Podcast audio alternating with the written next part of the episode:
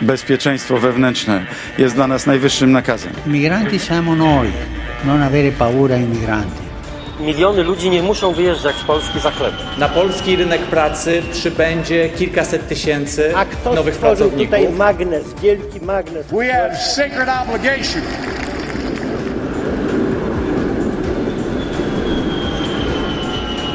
Migrostacja.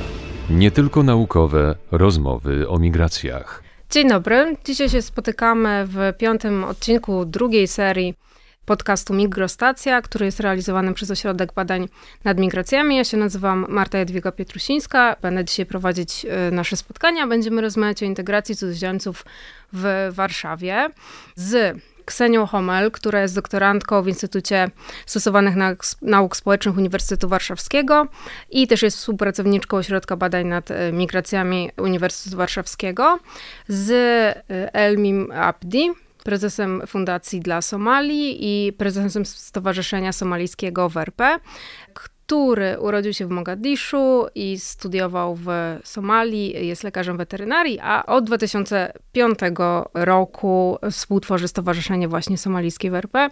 Jest jego prezesem i jest także prezesem właśnie Fundacji dla Somalii.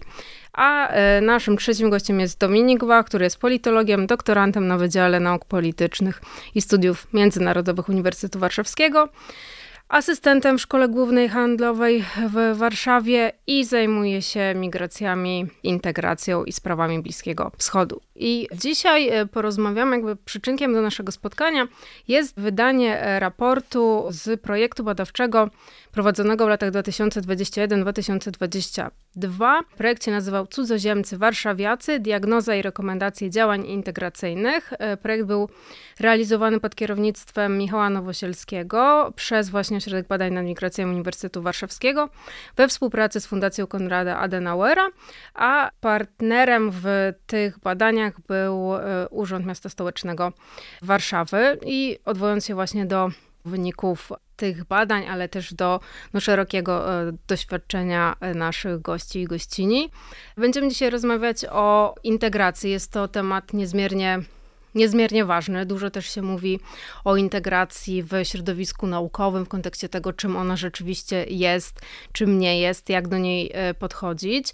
I dzisiaj będziemy właśnie rozmawiać e, o tym, jak wygląda integracja w Warszawie, z jakimi wyzwaniami spotykają się osoby migrujące, ale też e, osoby ze społeczeństwa przyjmującego i jak w tym wszystkim odnajdują się organizacje pozarządowe, organizacje miejskie. I chciałabym zacząć od takiego pytania, do e, Ksenii Elmiego, to znaczy, jak sobie przypomnicie wasze doświadczenia z przyjazdu do Warszawy, to jakie były największe wyzwania związane z integracją? Tak jak o tym myślicie wtedy?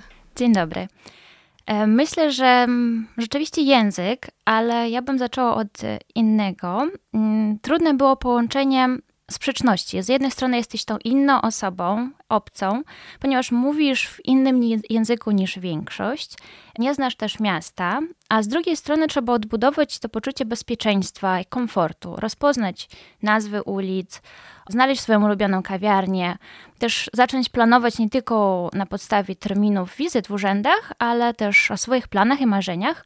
Do tego były bardzo potrzebne osoby, znajomi. Kiedy ja przyjechałam, nie miałam ani rodziny, ani znajomych w Warszawie, więc moim pierwszym krokiem to było poznanie nowych ludzi, pierwszych kontaktów. U mnie wyglądało zupełnie tak samo, prawie tak samo.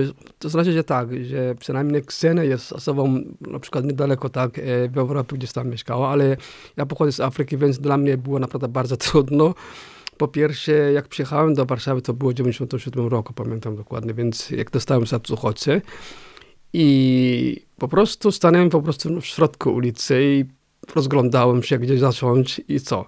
Pierwsze problemy, które miałem akurat była komunikacją, tak, język, bo nawet jeżeli pytasz, gdzie ta ulica jest i tak dalej, to było naprawdę cięż, bardzo ciężko i wydawało, że trochę, wiesz co, bo ja pochodzę z takiego e, kręgu kulturowego, który mi nawiązują my kontaktu szybko, tak, ale problem z Polakami było tak, że patrząc na ciebie od razu wiem, że coś zapytać, od razu odwracają i uciekają od ciebie, tak, jakby się bali mnie, tak, więc albo, więc zastanawiałem się, dlaczego tak reagują ludzie, tak, i, i powoli, powoli docierało do mnie, że tak, że dla Polaków tak nieznajomi, to znaczy, że tak, albo się boją w ogóle nie prowadzić do siebie jakieś błędy i tak dalej. Chodzi o komunikację, tak, że nie będziemy się porozumieć i no naprawdę było różne myśli przychodziły mi do głowy, ale trudności było tak, że w ogóle znaleźli nawet miejsce do mieszkania, tak, bo chcieliśmy nawet wynająć mieszkania, ale jak, bo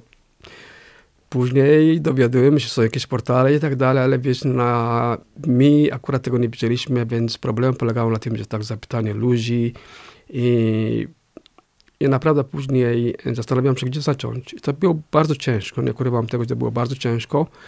Na szczęście pomocną dłoń oferowało, oferowało mi akurat wtedy Polska Akcja Humanitarna, które się dowiedziałem, że tak, że jak dostaliśmy status uchodźcy i tak dalej, dali nam jakąś listę organizacji, które pomagają, więc skontaktowaliśmy tym i oni po prostu powoli, powoli nam zaczęły tak pomagać. Ale naprawdę było ciężko. Mhm. No wasze doświadczenia są doświadczenia sprzed no, już ponad 20 lat, u ciebie, u ciebie też już kil, kilkanaście. A jak to, Dominik, jest obecnie? Jakie są z Twojego doświadczenia, ale też z Waszych badań, jakie są te najważniejsze wyzwania związane z integracją osób migranckich w Warszawie obecnie? No właśnie, ja się, ja się cieszę z tego, co, co i Ksenia i, i Elmi powiedzieli, bo bardzo często właśnie podnosimy kwestię językową, że język e, jest, tą, jest tym wyzwaniem. Z mojej perspektywy tak, to jest bariera, ale język jest narzędziem, a to, co powiedział Elmi, to, co powiedziała Ksenia, że właśnie te kontakty, to, żeby to narzędzie użyć do tego, żeby poszerzać bazę znajomych, żeby uzyskiwać te informacje, to jest bardzo ważne. I odwołując się tutaj trochę do, do naszego, właśnie do naszych badań i do, do naszego raportu, który jest jeszcze świeżutki, to tak, jednym z takich wyzwań wyszło nam, że, jest, że są usługi w językach obcych, ale również wsparcie w tłumaczeniach podczas wizyt, bo to nie chodzi tylko o to, że mamy informacje gdzieś tam na stronie, czy nawet, nawet w przy kupnie biletu autobusowego przykładowo. No mamy, mamy w kilku językach, ale czasami są inne bariery. Ktoś może rozumieć, e, co jest napisane, ale nie wiedzieć, jak obsługiwać daną maszynę czy aplikację i tak dalej. Więc ten język trochę jest takim e, jedynie narzędziem, które w naturalny sposób jest podstawową barierą.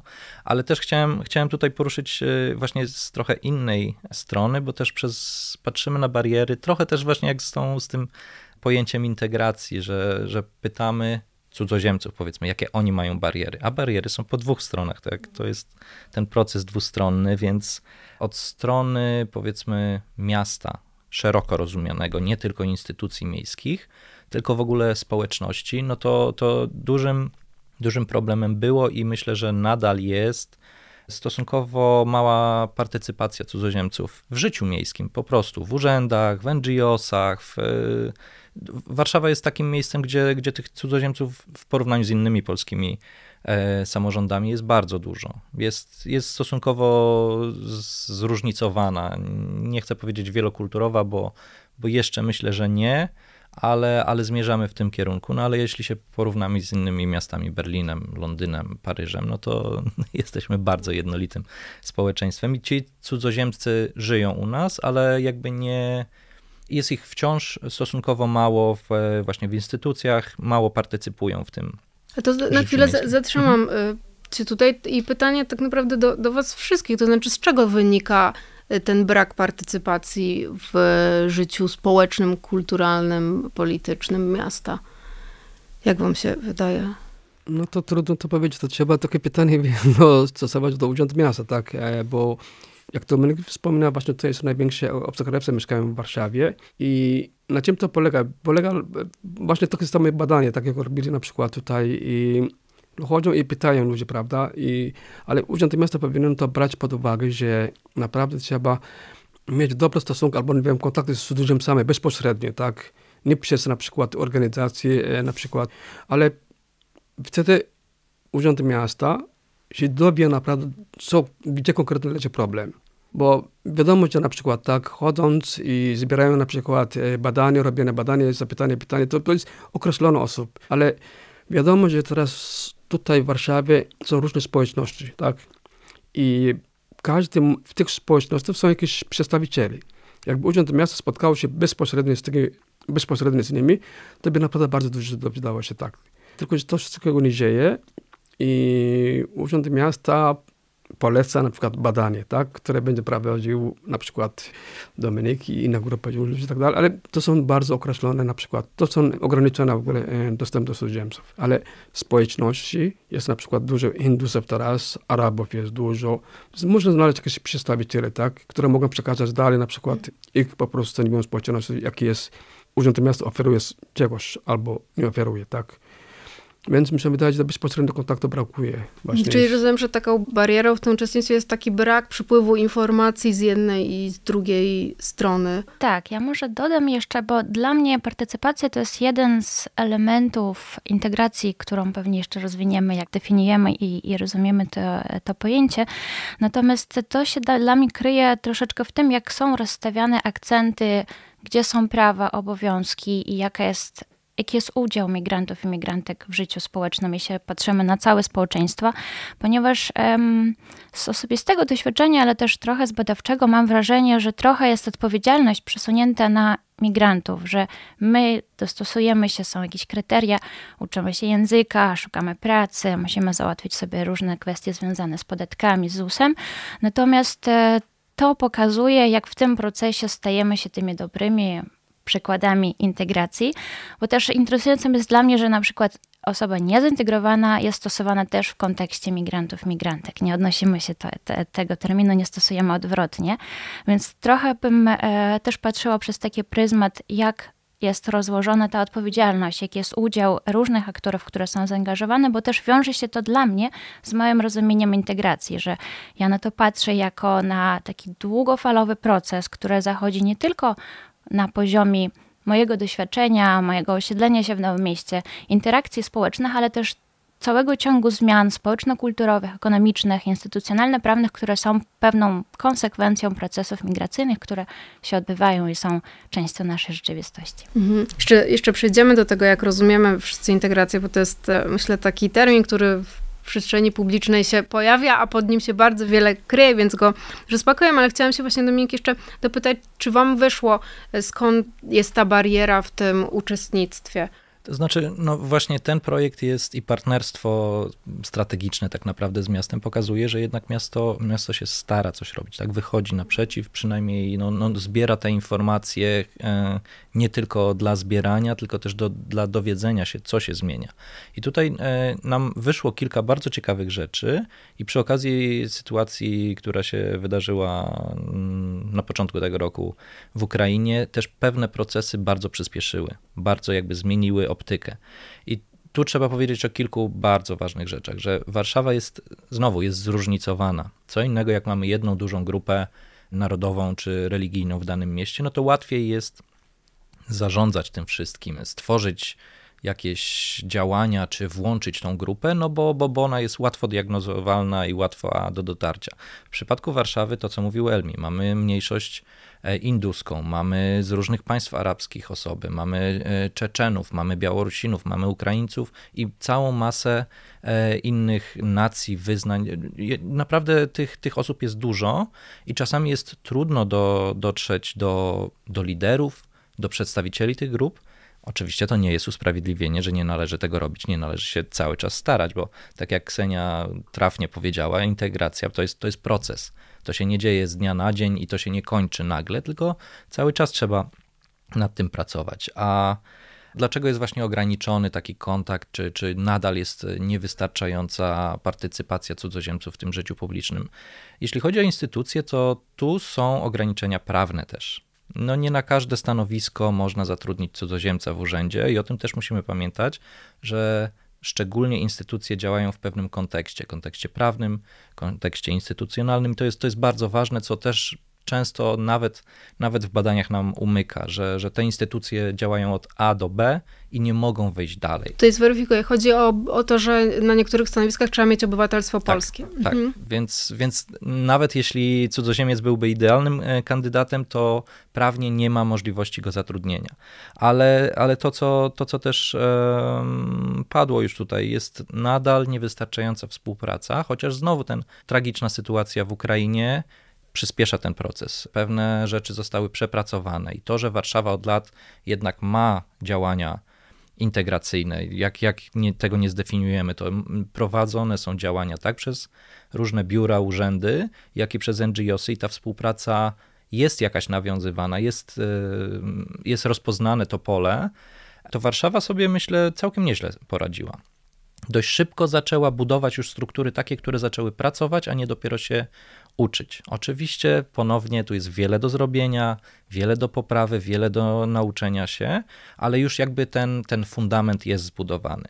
Jeszcze myślę, że, że tutaj odwołując się właśnie do, mm, do naszego raportu, to co nam wyszło z badań są dwie bardzo ważne rzeczy, że nadal jest duża potrzeba budowania świadomości dotyczącej istotności kwestii migracji, integracji cudzoziemców, bo przez lata tych cudzoziemców było bardzo, bardzo mało, nie oszukujmy się, to był temat marginalny i wszyscy to trochę traktowali, to, to nie jest specyfika warszawska, to jest specyfika polska, czy nawet w ogóle też e, jeśli spojrzymy w, w teorię i, i, jakie są polityki integracyjne, to dopóki nie ma odpowiedniej ilości cudzoziemców, to to jest temat marginalny, nim się rzadko, mm, rzadko decydenci się nim zajmują. To jest jedna rzecz, a druga bardzo ważna rzecz, która dzieje się teraz, ale działa się też wcześniej i o której się rzadko mówi, to jest przeciążenie osób, które pracują z cudzoziemcami, tak w instytucjach, jak i w NGO-sach, w organizacjach pozarządowych.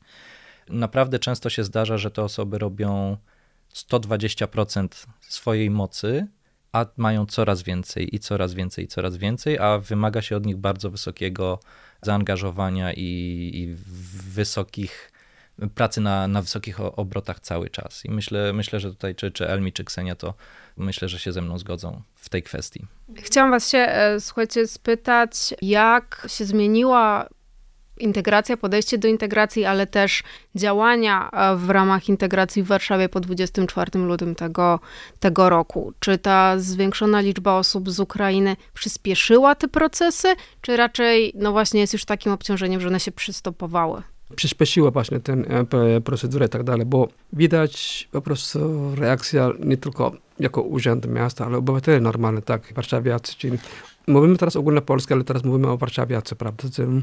Bardzo dużo osób zaangażowało się, tak, nie czekają sobie w ogóle jakiś sygnał od e, strony miasta, czy od rządu i tak dalej. To było widać na każdym kroku, tak, zorganizowania jakichś różnych na przykład pomocy, przyjmowania tych ludzi do swoich domów i tak dalej.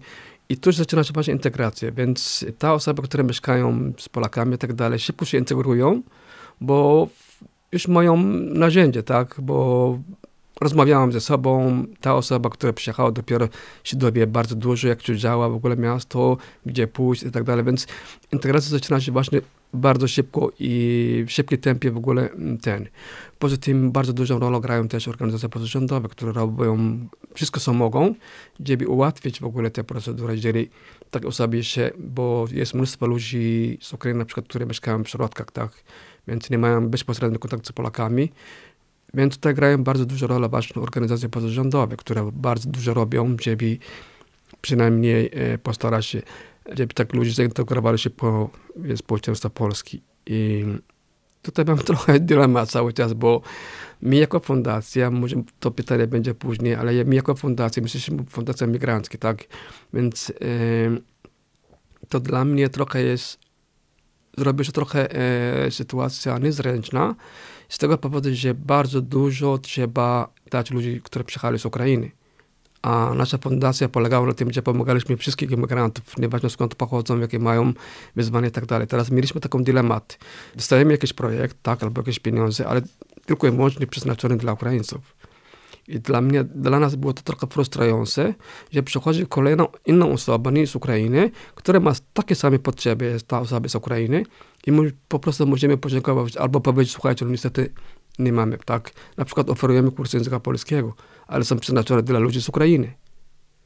A on przychodzi, ale ja też potrzebuję, bo chcę zintegrować społeczeństwo polskie i dlaczego to wygląda jakby trochę, więc jest naprawdę bardzo ciężko, ale mi się wydaje, że mm, ten proces przyspieszy tak, integracji cudzoziemców. Mhm, to zwróciłeś uwagę na, na, bardzo ważną rzecz, to znaczy, że z jednej strony, prawda, więcej mówimy o tej integracji w kontekście osób z, z Ukrainy, A zapominamy o tym, o czym wspominaliście, że w, że w Warszawie są nie tylko osoby z Ukrainy, ale wiele różnych jeszcze grup narodowych, etnicznych. Jak wam się wydaje, jak to tyle osób z Ukrainy się teraz pojawiło? Jak w kontekście tych innych grup to może wpłynąć na integrację taką całościową cudzoziemców, warszawiaków? To ja może jeszcze i do tego pytania jeszcze się odwołam do poprzedniego, bo jeśli patrzymy na zmiany, które, którą widzimy po 24 luty, to zdecydowanie ta dynamika i że dużo rzeczy, które wcześniej były nie były tematem do rozmów, ale by, albo były raczej takim zarzutem, że to jest trudne do wprowadzenia, się okazało że rzeczywiście po bardzo krótkich spotkaniach da się różne ułatwienia wprowadzać. Też moim zdaniem bardzo ciekawym jest to, że to był taki moment, kiedy zaczęła się rozmowa nie tylko między urzędami, administracją centralną, organizacjami na każdym swoim poziomie, tylko taka międzysektorowa współpraca. I tu też e, zwiększyła się moim zdaniem ta rola społeczeństwa i nie tylko społeczeństwa przyjmującego, ale też społeczności migranckich, więc nawiązując do twojego drugiego pytania, e, moim zdaniem od pierwszych miesięcy wojny i kiedy ta, ta nowa rzeczywistość stała się też codziennością dla bardzo dużej grupy migrantów. I mówię nie tylko o osobach, które są z Ukrainy które tu mieszkali, i to są ich krewni, rodzina, bliscy znajomi, ale też dla wie, wielu innych grup. I tu um, możemy też zobaczyć wiele przykładów wspólnego zaangażowania i inicjatyw pomocowych, wolontariatu przy granicy, ale także w mieście, w Warszawie widzieliśmy ogromne zaangażowanie wolontariuszy, wolontariuszek, które sami są e, z doświadczeniem emigracji, więc też są takim troszeczkę przewodnikiem, ale też wsparciem emocjonalnym. Ja myślę, że w kontekście tej nowej, nowej migracji i też przyszłościowego rozumienia integracji, kiedy patrzymy na obecną sytuację, która jest też bardzo trudna, moim zdaniem ta rola inicjatyw oddolnych i społecznych bardzo się wzmocniło, ponieważ w tym takim podejściu, modelu integracji, gdzie zapominamy też, że migranci też mają swoją, swoje doświadczenie, mają swoje emocje, które są bardzo ciężko połączyć z tym, że trzeba chodzić na kursy języka polskiego, trzeba pracować 12 godzin, żeby to wszystko połączyć. Natomiast widzę, że w takich sieciach, na przykład wsparcie kobiet poprzez kluby kobiet, które organizują migrantki, daje taką przestrzeń, żeby się wypowiedzieć, żeby troszeczkę zapomnieć o tym, że się nakładają różne perspektywy staranie się tu, bycie taką dobrą migrantką, a też połączenie tego, co, co zostało i jako przewodnicy, jako wsparcie emocjonalne, jako też wsparcie informacyjne. Migranci też są bardzo ważnym teraz elementem tej całej układanki, jeśli chodzi o integrację. Tak, ja, ja myślę, że tego brakowało wcześniej, właśnie m, takiego, no nie, nie wiem, czy mogę to tak nazwać, ale podniesienia rękawicy ze strony z każdej ze stron tak naprawdę, bo do 24 lutego trochę wyglądała sytuacja tak, że, że, że było taka, taka próżnia, nikt nie wiedział, nikt za bardzo nie chciał podjąć inicjatywy, być tym liderem e, i wprowadzać jakieś konkretne rozwiązania. Mo, może nawet nie to, że nie chciał, tylko no, nadal to, było, to był temat nierozpoznany zbyt dobrze, nowy, nie jawiący się jako jakiś super e, ważny na tle innych naprawdę istotnych i, i rzeczy, które są do załatwienia na już. Po 24 okazało się, że się da że można się skrzyknąć ze znajomymi i zrobić naprawdę fajną inicjatywę. Że to działa, że można być zauważonym, że można przez swoją, swoje działanie jakby zainspirować innych, współpracować i też jakby zachęcić miasto do tego, żeby nadało temu, miasto czy, czy w ogóle samorząd, żeby nadało temu e, jakieś ramy, tak? Więc to się da zrobić. E, z drugiej strony musimy pamiętać o tym, że, że te pierwsze miesiące to jest odpowiedź humanitarna. Więc integracji było tam, ja bym powiedział, że niewiele. Pierwsze kroki, które są konieczne do tego, żeby przejść do integracji, były oczywiście, tu, tu nie można odmówić. I te organizacje, takie właśnie jak Elmiego, które od lat pracowały na rzecz e, cudzoziemców w Warszawie i zajmowały się tą integracją od lat, one też zupełnie inaczej działały niż te nowe, czy te organizacje, które jakby trochę się przekwalifikowały i zaczęły odpowiadać właśnie, iść z pomocą humanitarną. Powiem szczerze, że ja, ja, nie wiem, co się stanie. Bardzo bym chciał, żeby te wszystkie rzeczy, które przyspieszyły, które się z, e, jakby zadziały, to, że cała linia, na przykład warszawska 19115 jest po ukraińsku, że mamy strony internetowe po, po ukraińsku, że, że da się załatwić tłumaczy i tak dalej, i tak dalej, że to jakby się rozleje dalej, że będziemy mieli, e, będziemy też wrażliwi na te inne grupy. E, cudzoziemców. Z drugiej strony może być tak, że skupimy się na Ukraińcach, bo ich, ich jest najwięcej i zapomnimy o tych innych grupach. Nie wiemy, czy, czy przejdziemy do fazy integracji. To jest potrzebne, to jest ważne, ale no, są sygnały nawet ze strony ukraińskiej, jeśli chodzi właśnie o, o szkoły, to myślę, że Marto, ty, ty możesz tutaj więcej powiedzieć, ale że są sygnały takie, że rodzice dzieci ukraińskich nie do końca chcą, żeby one się integrowały, żeby wchodziły w polski system, bo dalej liczą na to, że powrócą do Ukrainy i nie chcą tracić tego czasu. Z drugiej strony, no przykłady, ja akurat z Konradem Pędziwiatrem i Karoliną Sobczak-Szelc napisaliśmy taki artykulik krótki o e, przykładach tego, co się na Bliskim Wschodzie działo, w Turcji, w Libanie, w Jordanii. Taka postawa, że wrócimy, wrócimy, jest przez pewien czas, przez kilka lat. A później się okazuje, że ci ludzie tracą nadzieję, i jeśli nie zaczną się integrować już teraz, no to mamy stracone kilka lat i znowu są w próżni, znowu są w tej samej sytuacji jak od razu po, po przyjeździe. Oczywiście nie wszyscy, ale, ale część, część z nich może być w takiej sytuacji zawieszenia. Więc z mojej perspektywy jest bardzo istotne, żeby władze centralne, władze miejskie, społeczeństwo polskie zaczęło myśleć i zaczęło nie zmuszać, właśnie to, to jest też ważne, żeby nie zmuszać do integracji, dać szansę, pokazać, jakie, co oferujemy i jakie są z tego korzyści. Jeśli ktoś będzie chciał to wykorzystać, świetnie. To, to, to będzie sukces wszystkich nas. Ja bym się chciała, słuchajcie, was spytać, bo ta integracja pada tutaj w, w różnych kontekstach. I też, e, tak jak powiedziałam, w takiej debacie bardziej akademickiej, ale też w debacie różnych organizacji pozarządowych podnosi się ten wątek właśnie tego, czym ona tak naprawdę jest. No i pytanie do Was tych różnych Waszych perspektyw, bardziej naukowych, ale też takich profesjonalnych, ale też prywatnych. Jak Wy odczytujecie w ogóle ten, ten termin? Czy to jest, czy on oznacza właśnie tego, tak jak ty Ksenia powiedziałaś, do, dobrą migrantkę, która wypełnia konkretne zadania w odpowiedni sposób, czy jakoś inaczej odczytujecie to, pojęcie integracja? Ja, mi się wydaje, to jest e, rzeczywiście bardzo trudnym jest to pytanie, e, z jakiej perspektywy patrzymy i w jaki sposób jest zdefiniowana integracja, ponieważ ona może być analizowana z różnych wymiarów i też jeśli nie patrzymy na to kompleksowo, jak już powiedzieliśmy na początku, to wybieramy jakieś mały obszar i takim obszarem może być rzeczywiście ta funkcjonalność, czyli migrantek, migrant, migrantka stają się tą częścią społeczeństwa i odpowiada e, wszystkim kryteriom.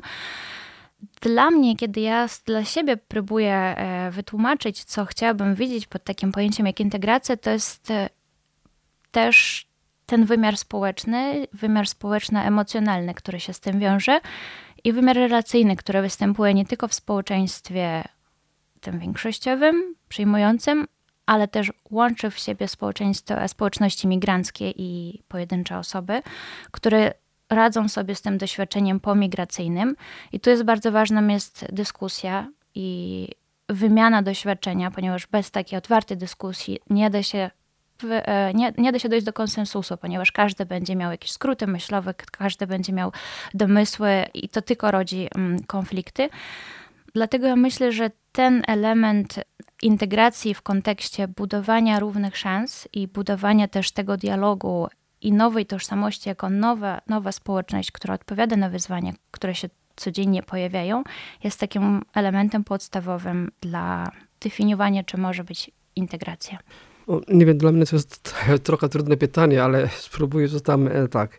Ja osobiście czasami zastanawiam się, czy w ogóle jestem zintegrowany do końca, tak, bo jestem, mieszkam tutaj już ponad 27 lat, prawie, prawie i cały czas zastanawiam się, czy jestem zintegrowany ze społeczeństwem polską, tak, i po drugą stronę tak namawiam innych imigrantów, żeby zintegrowali, bo to jest ważny element, tak, e, jeżeli ktoś chce żyć wśród Polaków, musi po prostu być zintegrowany z społeczeństwem polską.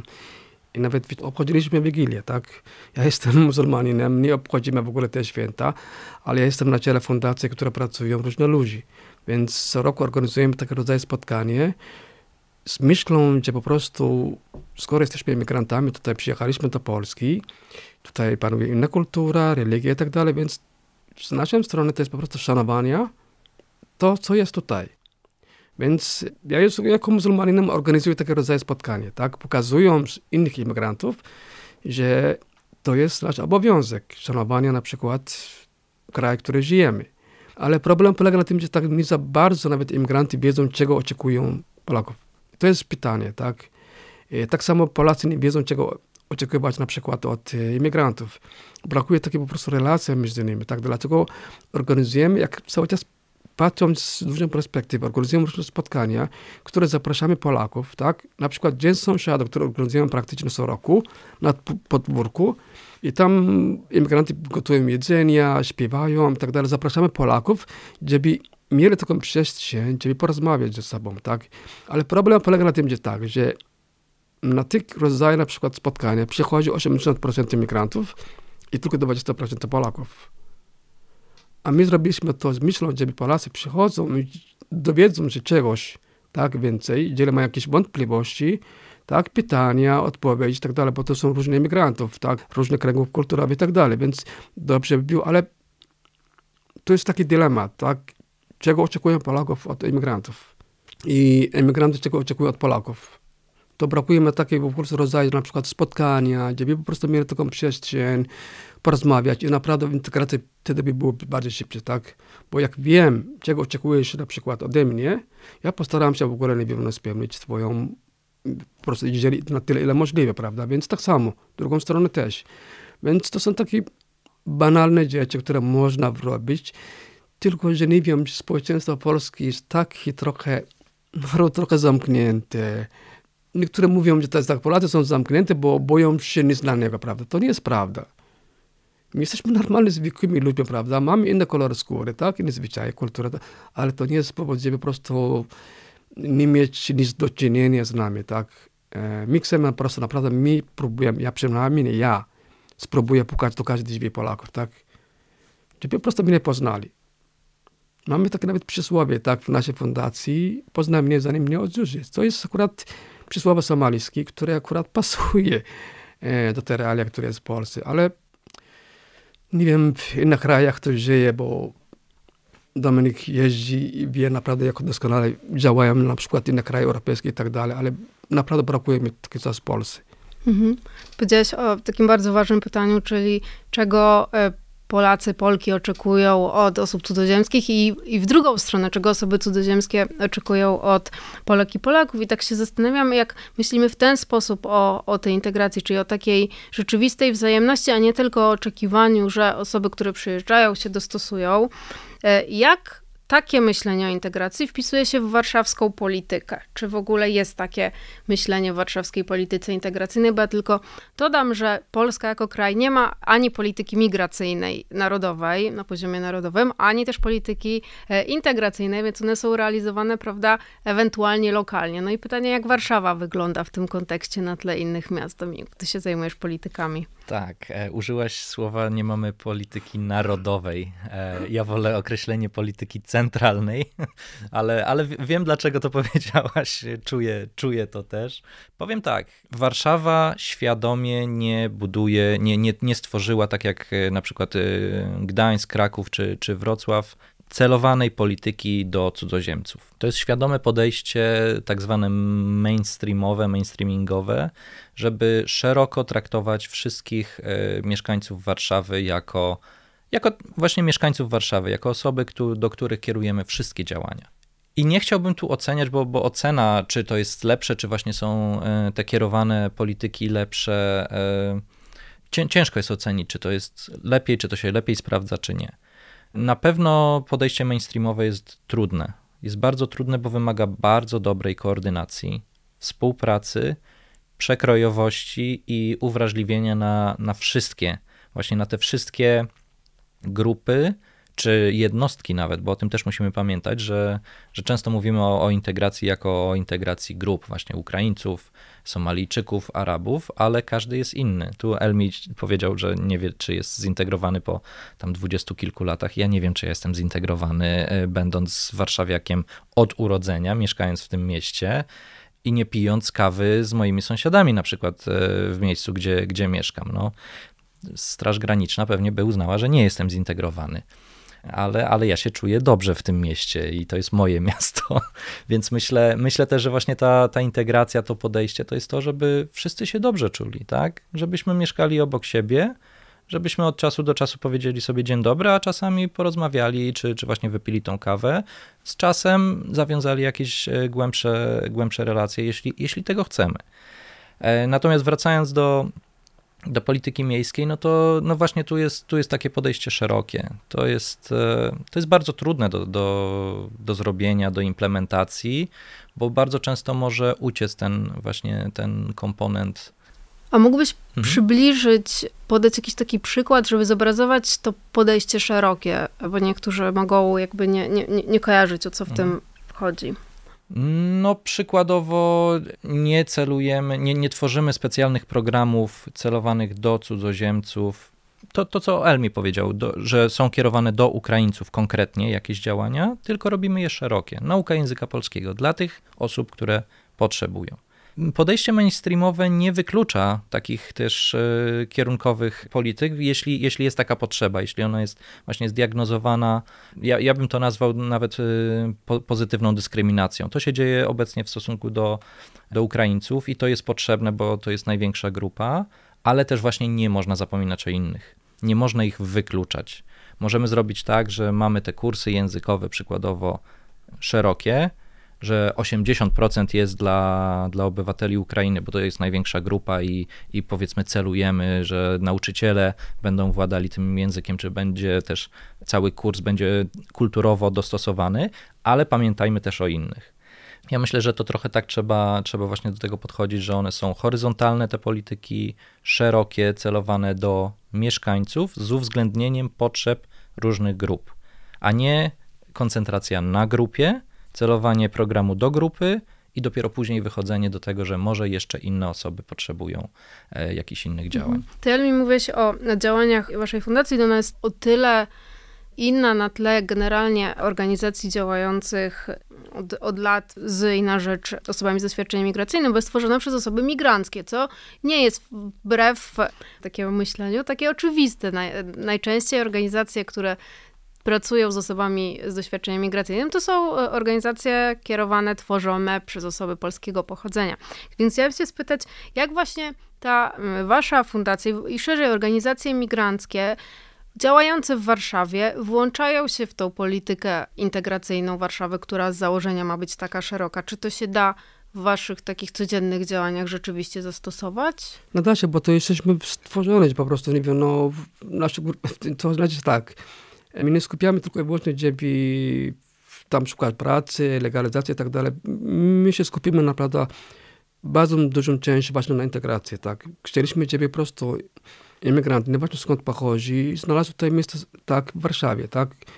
Jeżeli on planuje tutaj zamieszkać w Warszawie, więc tak samo tworzymy taki, nie wiem, mm, mamy projekt, każdy projekt, który piszemy, piszemy właśnie projekt informacyjny, tak.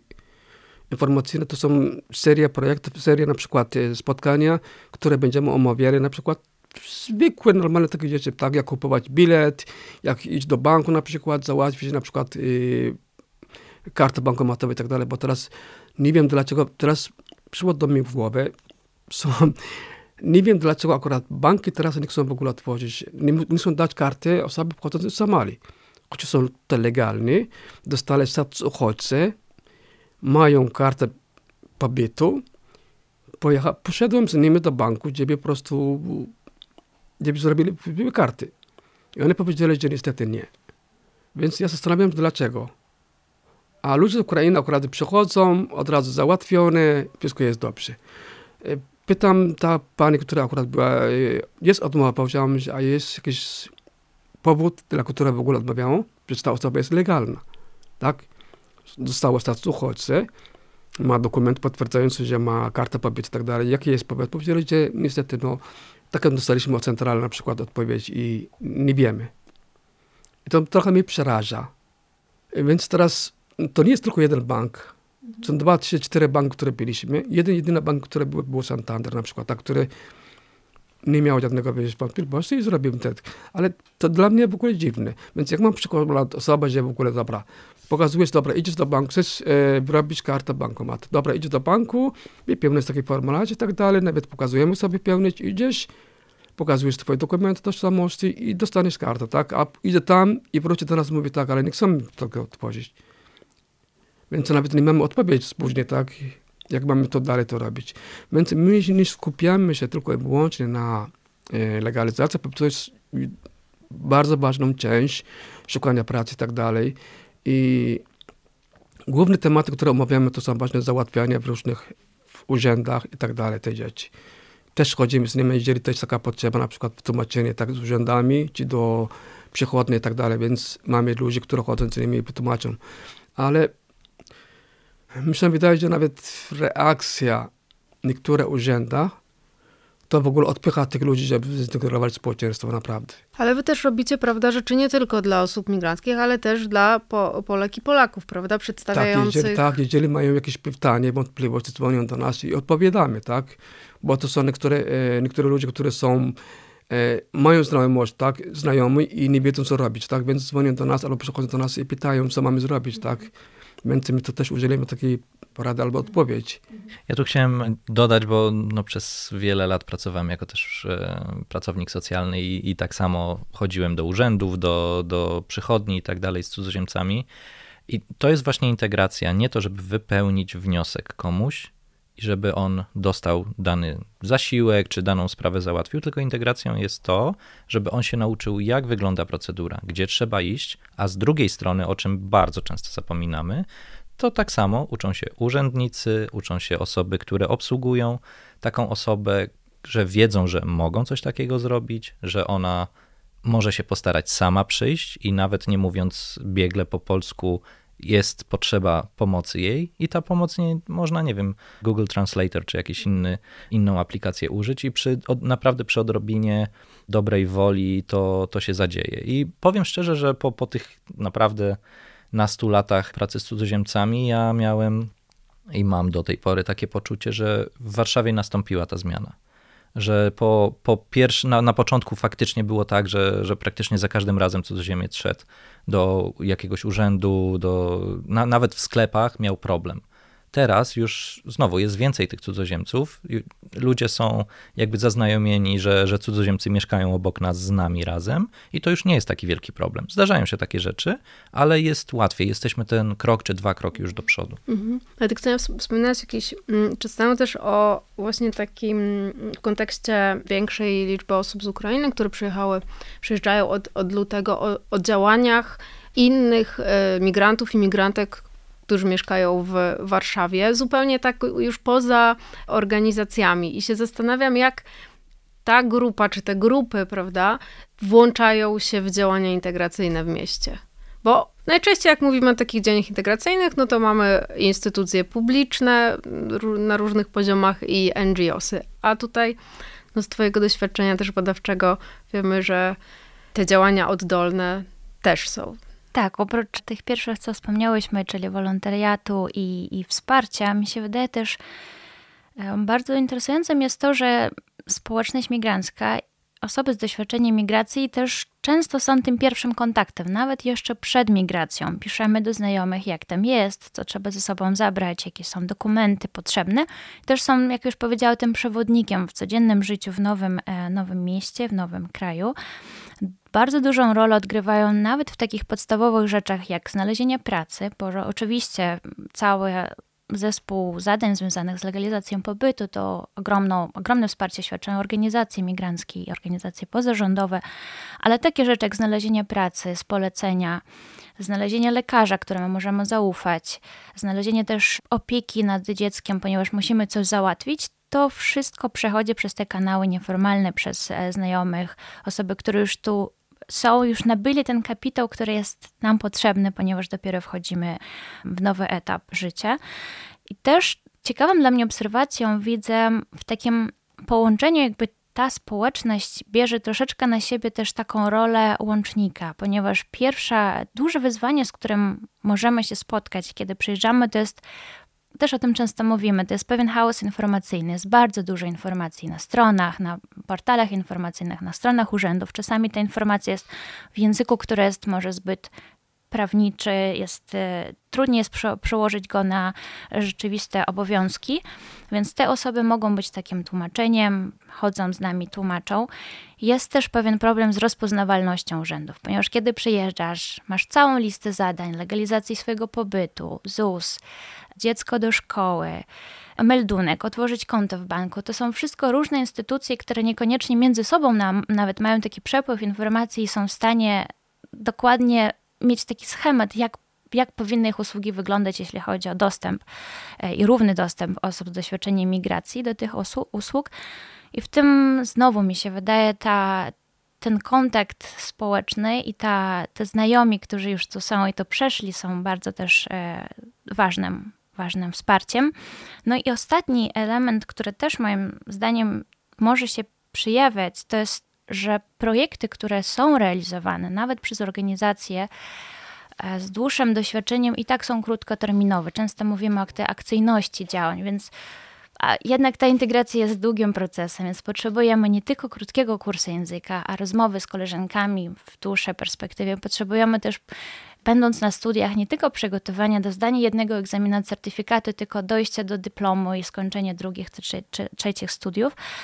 I tu ponownie ten kontakt, e, który zbudowaliśmy na początku i tworzymy cały czas, będąc w tym doświadczeniu postmigracyjnym, jest, e, leży cały czas na tych relacjach społecznych. Mhm. To na koniec Was chciałam zapytać, bo powiedzieliśmy o takich miejskich, instytucjonalnych formach e, działania w zakresie integracji, organizacjach pozarządowych, czy też takich nieformalnych, codziennych działaniach osób migranckich na rzecz innych osób migranckich. A jaka jest rola w tym wszystkim e, osób niemigranckich, warszawiaków e, i warszawianek, którzy nie są cudzoziemcami? Jaka jest ich rola w integracji? Czy w ogóle warszawiacy coś i warszawianki coś robią w tym obszarze? Czy czekają, aż się e, cudzoziemcy zintegrują? No 24 lutego pokazał nam, że jest możliwość działania, tak? Że ludzie, powiem szczerze, ja byłem w szoku że naprawdę otworzyliśmy wszyscy bez wyjątku serca, drzwi i, i stanęliśmy na wysokości zadania. Więc to jest, mm, to jest coś super, na czym powinniśmy się uczyć, co powinniśmy jakby utrwalać. E, no, obawiam się, że, że to może szybko, szybko wygasnąć, bo no, mamy, mamy sytuację chociażby ekonomiczną taką, że, że nie da się pomagać cały czas, nie da się być hojnym cały czas, więc zobaczymy, co będzie dalej, ale to jest, to jest przykład na to, że, że możemy, że, że mamy taki potencjał. E, to jest też przykład i dowód na to, że znowu integracja jest procesem dwustronnym, że to obie strony muszą bardzo, bardzo się starać, ale tak naprawdę klucze do integracji są po stronie społeczeństwa przyjmującego. Jeśli nie otworzymy tych drzwi, jeśli nie uśmiechniemy się do kogoś, nie podamy ręki, no to on tej pomocy nie otrzyma, jak bardzo się nie będzie starał. Jak bardzo dobrze się nie nauczy mówić po polsku, znajdzie pracę, będzie wspaniale e, funkcjonował, będzie pukał do, do naszych drzwi. Jeśli nie otworzymy tych drzwi, integracja nie zaistnieje. No, znowu, paradoksalnie, ta dramatyczna sytuacja w Ukrainie pokazuje, że jak trzeba działać. Że wystarczy naprawdę odrobina życzliwości, potraktowanie drugiej osoby jako człowieka i wszystko będzie, będzie jakby pozytywnie, dobrze się rozwijało wtedy. Ja właśnie tutaj miałem trochę dylemat, tak. W jedną stronę bardzo się cieszyłem, żeby Polacy wiem, tak szybko i sprawnie działali, a z drugiej strony byłem załamany z tego powodu, że tak, powiedziałem, no ale jak to jest, że widać otwartość Polaków teraz do innych, tak. Przecież wcześniej też byli inni cudzoziemcy, którzy potrzebowali pomocy. A dlaczego tak nie reagowali? Dlaczego tak nie, nie działo się, tak? I dlaczego całe ta, nie wiem, otwartość jest skierowana na jedną grupę społeczną, tak? Bo nie ukrywam tego, że naprawdę, wiesz, na samym początku, jak przyjechałem do Polski, pomoc dostawałem od Polaków. I to cały czas dziękuję Polakom, że po prostu mi pomogli, tak? Ja bym tutaj nie miał ani brata, ani siostra, ani, nie wiem, nic nie miałem. I polegałem tylko i wyłącznie na Polaków. Okazało mi naprawdę bardzo um, otwartą sercem i tak dalej, pomogli mnie. A później gdzieś tam powiedział, no dobra, to był akurat przyczyna, dlaczego zostałem w Polsce. bo powiedziałem, no zobacz, no, lu- mieszkają takie fajne ludzie, które pomagają, nieważne skąd pochodzisz, nie widzą, widzą tobie człowiek, który potrzebuje pomocy i pomog, pomagają, prawda? To są ludzie, które można z nimi mieszkać.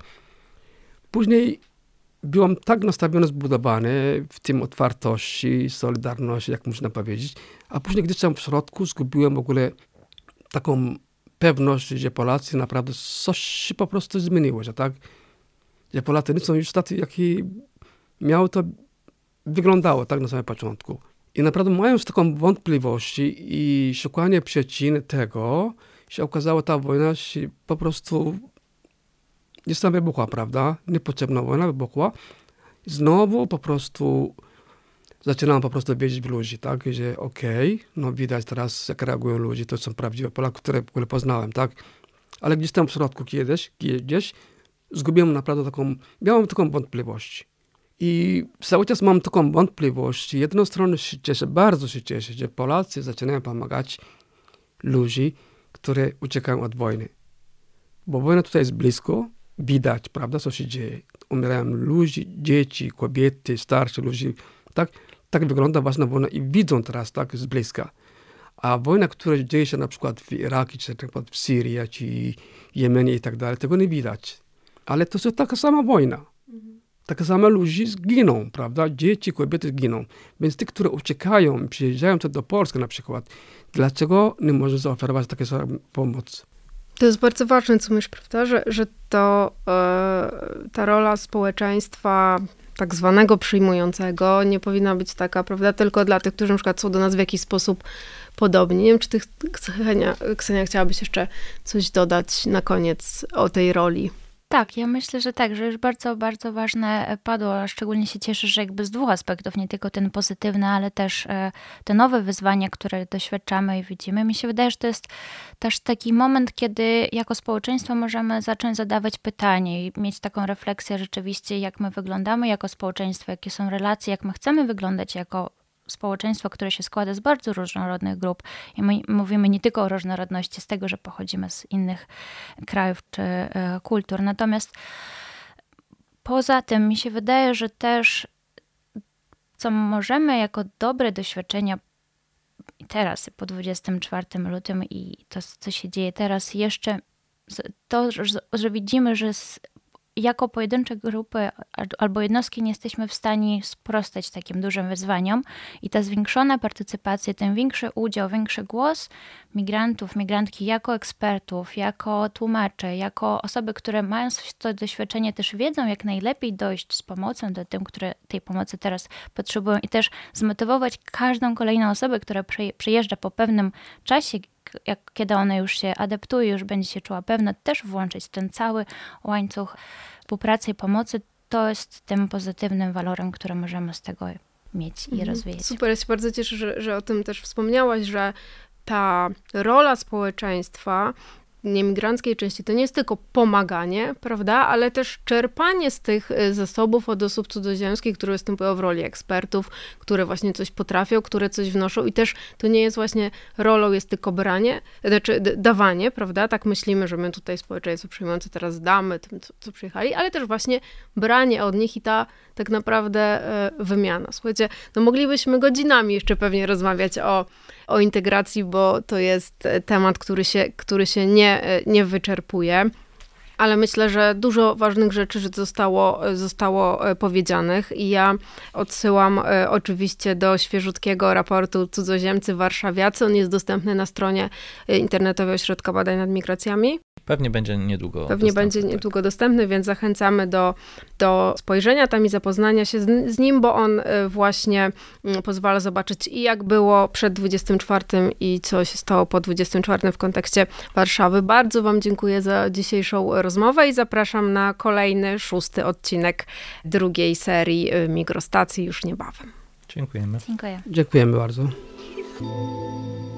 To był podcast Migrostacja, przygotowany przez Zespół Ośrodka Badań nad Migracjami Uniwersytetu Warszawskiego we współpracy z Sounds and Stories.